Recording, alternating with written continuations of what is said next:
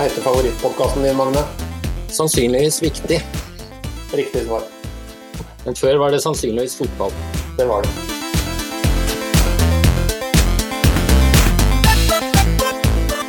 Gjestene i dag er eh, Magne Aldrin og Solveig Engebretsen. Magne, hvorfor har du din egen R? Nei, eh, for det første begynte jeg med dette her etter at eh, Solveig holdt et veldig bra foredrag om hva hun gjorde. Så ble jeg litt interessert i dette her, og så var det et par ting jeg mente kunne gjøres litt annerledes. Og det viktigste var at jeg hadde denne R-en var tidsvarierende, jevnt tidsvarierende over tid, uten noen antagelser. Og det andre var at vi brukte to data, jeg brukte to datakilder. Både smittetallene og antall sykehusinnleggelser per dag.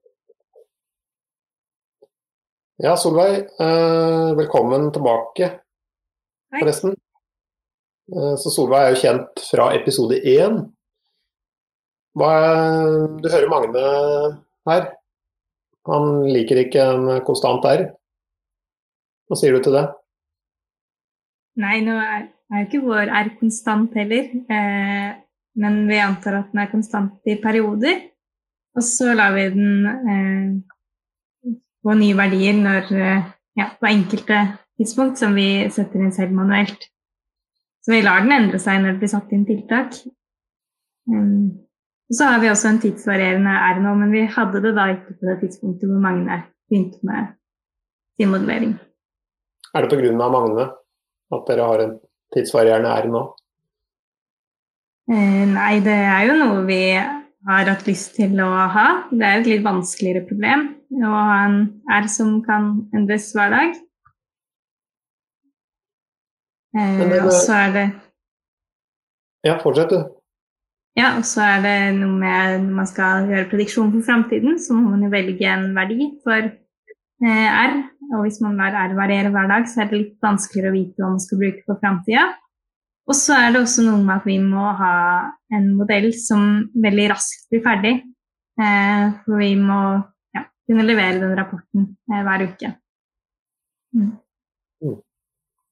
Uh, Magne nevnte noen datakilder som Altså smitte det, Bruker dere forskjellige data? Ikke nå lenger. Eh, men på starten så brukte vi på Folkehelseinstituttet bare tall på sykehusinnleggelser. Um, fordi de dataene er mer robuste enn de testdataene, da. Men nå har vi begynt å ta i bruk testdata nå, men jeg syns det Altså, det var en del ting man måtte tenke på da, før man kan bruke begge datakildene. Og det tror jeg mange også har opplevd. Ja, det er flere problemer med det. Disse testdataene er jo veldig avhengig av hvem som testes og hvor mye som testes osv. Så sånn at eh, på starten f.eks. da testa man eh, veldig mye sykehuspersonale f.eks. Og så var det bare de som hadde altså klare symptomer som ble testa osv. Så, videre. så det har veldig endra seg hva de tallene egentlig sier. Det må man da korrigere for på en eller annen måte. Og så er det når man har to datakilder, hvilken, eh, hvor, hvordan skal de vektes i forhold til hverandre? Det er heller ikke helt opplagt hvordan man skal gjøre det. Ja, hva legger du mest vekt på? legger mest vekt på det med sykehusinnleggelser. Altså antall nye sykehusinnleggelser per dag. Det er vel det mest objektive. Men det kan også endre seg nå eh, framover. Det er noe Solveig og meg diskuterte i går, faktisk. Og så er det jo noe med at i den nyeste perioden så blir det jo mer vekt på, på testdatoene. Mm. Ja, og den nyeste perioden, da mener du på en måte de siste to ukene? for Ja, fordi det er mye større forsinkelse fra smitte til eh, sykehusinnleggelse enn det er fra smitte til eh, positiv test. Ja, og det har vi for så vidt i begge våre modeller, eller alle våre tre modeller. Men jeg tenker litt på det nå som det blir uh, vaksinering. Så, eller nå som vi er i gang med vaksinering, så er ikke det tilfeldig hvem som vaksineres, så er de som er mest sårbare. Sånn at jeg tenker at kanskje vi kan oppleve at antall sykehusinnleggelser går ned, mens smittetallene går opp. Og, ja. Det, det, er ikke så lett å modellere med mindre du gjør dette innen modellen. Ja. Mm. Og selv om smittetallene ikke nødvendigvis kommer til å gå opp, eller positive tester kommer til å gå opp, så kommer det nok til å skje noe med um, sammenhengen mellom sykehusdataene og testdataene. Mm. Så jeg tenker at siden jeg bare driver denne modellen på hobbybasis, så kan det godt hende at jeg slutter å oppdatere den når jeg føler at modellen ikke er så god. Men det får vi se. For det, Egentlig så burde en da tatt hensyn, eller på en måte hatt inne hvor, hvilke deler av befolkningen er vaksinert til enhver tid, og, eller kom, ja, kanskje til og med kommer til å bli. Ja, og eh, Altså I min modell så er det ikke noe alderssammensetning eller noe sånt. Det er bare man antar at eh, befolkningen er eh, homogen. Det er en veldig grov antakelse, men det har, virker som det har uansett funka greit hittil. Eh, mens da i Solveig sin modell, eller Folkehelseinstituttets modell, så er det jo en aldersstruktur osv. som kanskje tar hensyn til noe av dette. Ja, Vi har ikke egentlig alder inne i modellen direkte, men vi regner ut sykehussannsynlighetene basert på aldersfordelinger okay. for kommunene.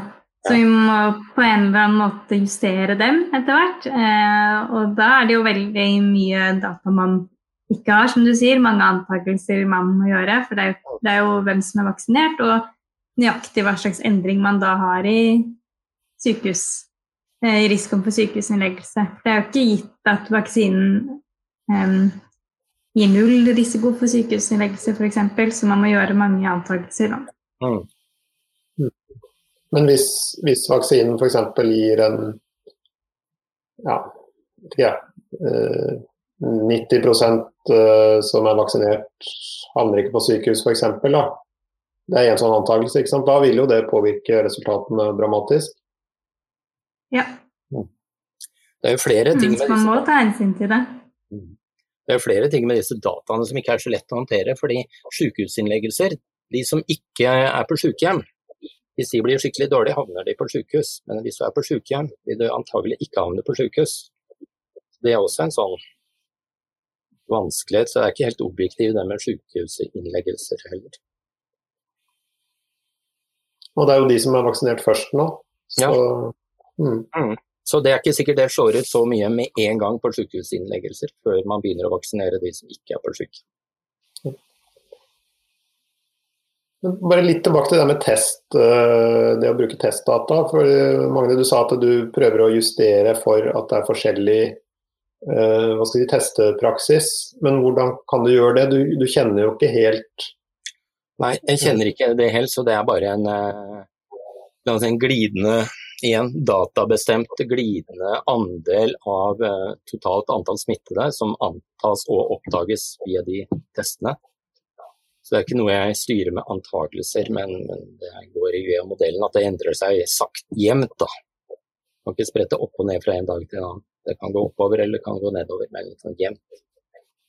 Eh, og det, Når man da må modellere det, også tidsvarierende, så blir det også mer usikkert. da. Du kan ikke la selv om ting er tidsvarierende i praksis, så blir det vanskelig å estimere det når, når ting mm. skjer samtidig. Og Der lurer jeg på hva dere gjør, eh, Solveig. Lar dere den eh, periodevis være konstant? Fordi Dere bruker jo mm. testdata fra med sommeren i fjor, gjør dere ikke det? Eller kanskje våren i fjor? Jo, vi bruker det fra mai. Og det ja. vi gjør, er at vi modellerer denne her sannsynligheten for at et tilfelle blir oppdaget. Mm. Eh, ved å se på totalt antall som blir testa. Så ja. vi mener at det er en proxy for hvor mange hva slags testkriterier man har, og hvilken innsats man setter inn for å finne de positive ja. tilfellene. da. Fordi sånn jeg tenker er at På begynnelsen, når det, når det ble oppdaget sånn ett smitte på øyeavdelingen på Ullevål f.eks., så testa man veldig intensivt der. Det var ikke fordi man eh, trodde det var veldig mange som var smittet der. Ikke sant? Så vil du oppdage relativt få av de testene. Og så begynte du, man etter hvert å gå over til å teste de som var smittet ute i befolkningen. sånn at Siden testkriteriene har endra seg sånn, så er det ikke bare før var det mer målretta. Nå det jo, blir det jo bedt om å teste seg i Oslo borgerskap på vinterferie, ikke sant. Sånn at uh, Så det er ikke så enkelt, det der. Så det, så bare antall som testes er jo heller ikke Det er ikke sånn at uh, Det sier ikke alt, det heller. Så det er ingen sånn, helt sånn fasitsvar på hvordan man skal gjøre ting. Derfor er det veldig greit å gjøre på litt forskjellige måter og se at man får noenlunde det samme.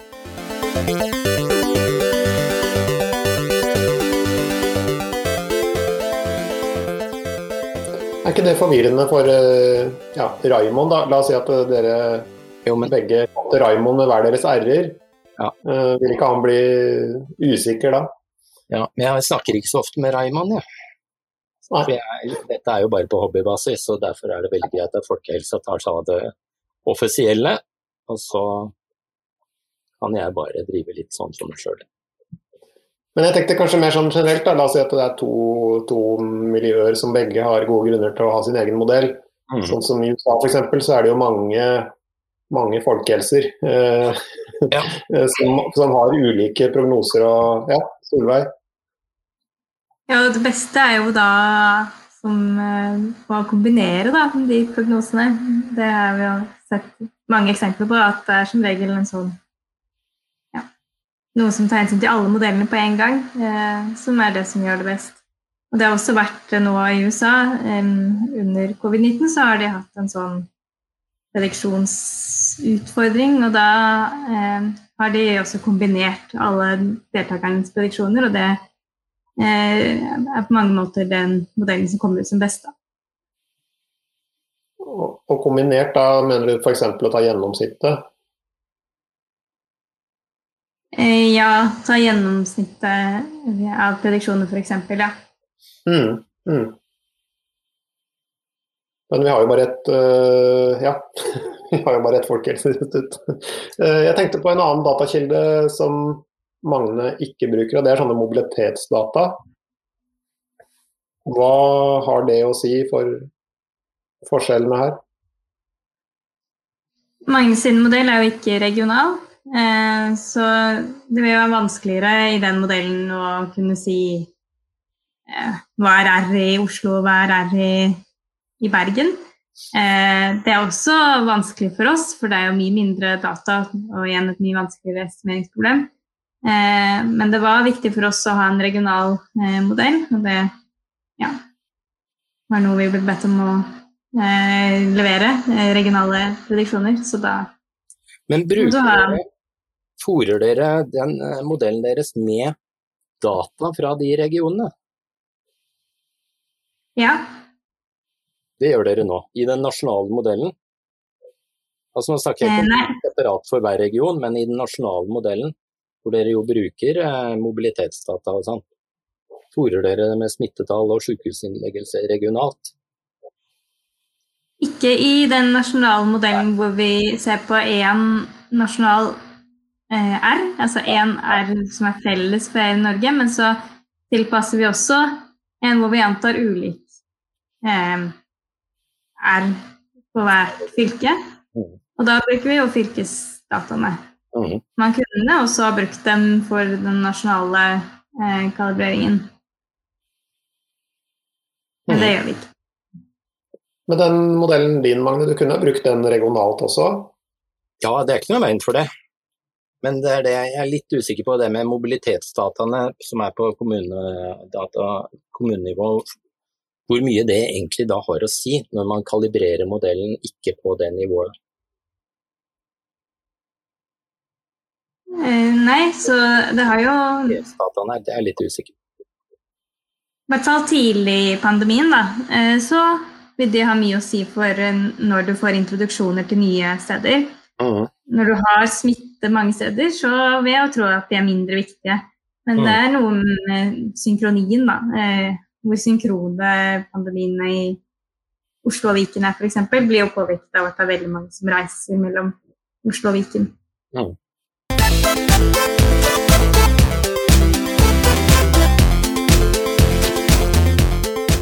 Magne, du har i, i, modellen din så har du noe du kaller andel av smittede som blir registrert. Uh, som ligger mellom 0 og 1, ser ut til. Og den andelen bare stiger og stiger. Den er kanskje 0,9 nå, det høres rart ut. ja, For det første stiger den, den kan faktisk også synke hvis du ser litt nøyere på figurene. Eh, men det er helt riktig at når det nå i modellen er 0,9, så er ikke det Det tror jeg ikke er realistisk, jeg tror det er lavere. Men det er egentlig en innstilling bare Folkehelseinstituttet av 8,9% havner på lyset. Det er egentlig det som styrer det, men jeg, eller om det kanskje er et annet tall nå, det husker jeg ikke. Eh, så hvis jeg justerer det tallet, så vil, eh, så vil da det ikke blir 0,9 med et lavere tall. Men det jeg har sett er at resten av resultatene ikke endres ut fra den antagelsen der. Så bare det, bare det tallet ikke er for høyt, bare vi ikke stanger opp mot 100% 100% vil jo da si at da er det ikke mer enn 1000 nye, nye smittede den dagen. Og ja, vi, vi, tror ikke at alle blir eh, oppdaget ved, ved, testing. Nei, Men hva er det modellen blir lurt til da? Hva, hva kan gå gærent da? Eh, da vil jo den eh, da, Hvis vi går opp i 100 da, da kan vi ikke stole på resultatene. For da er det jo flere som blir smittet enn vi tror. Mm. Hvis jeg hadde sagt at eh, 30% av alle smittede havnet på sykehus, og så blir det 1000 smittede en dag, men det er bare et, eh, ikke 30 eh, ikke 300 som har sykehus, men bare 30 ja, da blir det en veldig mismatch mellom disse eh, to datakildene og den antagelsen. Da detter jo helt sammen. Så dette er ikke så viktig ennå, men det blir viktigere når etter hvert som en stor, en stor andel av befolkningen er immun.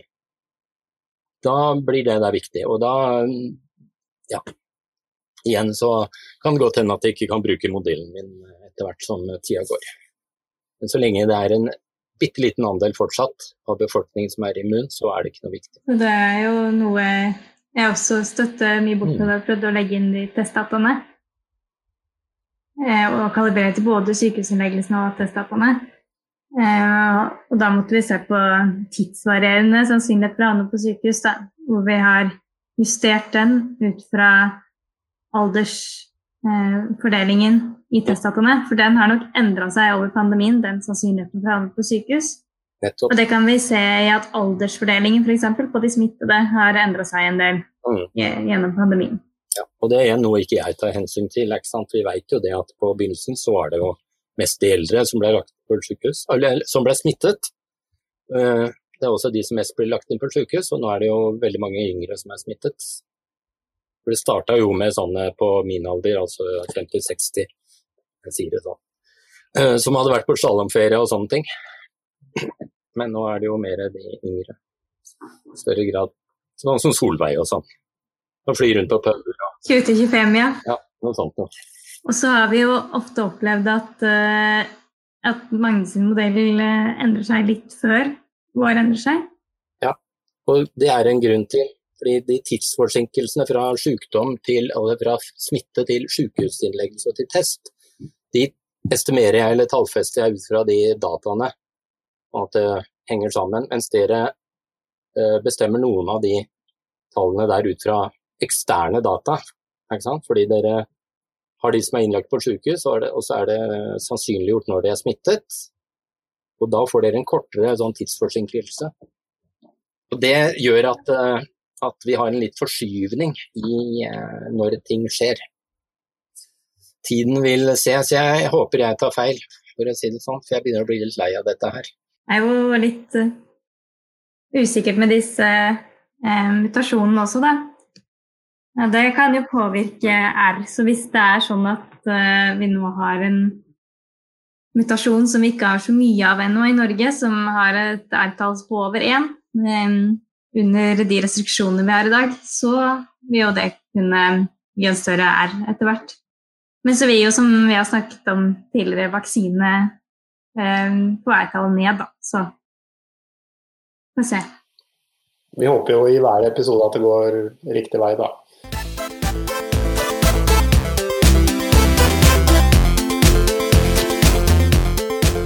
Da har vi til slutt Eh, alle gjester, eller alle nye gjester i denne podkasten de får eh, et par spørsmål. Eh, som er av mer hva skal jeg si, filosofisk livserfaringsart. Og Det første er, hvis du tenker tilbake til studiene, det er jo ikke lenge siden det. Hva, hva, er det du sitter igjen med nå? Hva er det liksom du lærte i studiene som du tenker på nå? Og Det trenger ikke å være på en måte akkurat det du studerte, det kan jo være noe rundt studiet nå selvfølgelig. Men er det noe du vil trekke fram? Nei, jeg vanker jo sammen med de samme folka, faktisk. Så det var en viktig ting. Og så blei det sagt eh, der jeg studerte at vi, det var ikke bare det vi lærte, men vi skulle lære å lære. Og det var faktisk ikke så dumt, for det er vel eh, Jeg har jo merka at det er mye av de tingene jeg aldri har brukt, all fysikken osv., men uh, likevel ga det en sånn basis som man tar med seg. Så lærte jeg at det var gøy med statistikk. Det lærte jeg. Mm. Uh, og livsviktig har vi lært i dag. Uh, hvis du tenker på det samme spørsmålet, men istedenfor å tenke tilbake på studiene, tenker du tilbake på livet. Hva er det livet har lært deg? Ja, dette er vanskelige spørsmål. Nei, ting går jo opp og ned. Så jeg vet ikke hva jeg har lært, jeg, for jeg er jo veldig konservativ av natur. Uh, så jeg veit ikke om jeg Så jeg mener vel det samme som når jeg var eh, ganske ung. Og det er kanskje at ærlighet varer lengst, iallfall. Jeg prøver å være i ulike sammenhenger ærlig og stå for det man uh, mener. Et fint svar. Ja. Takk for at dere ble med på denne episoden av Sannsynligvis viktig. Og takk til dere som hørte på. Takk. Takk for at jeg fikk bli med.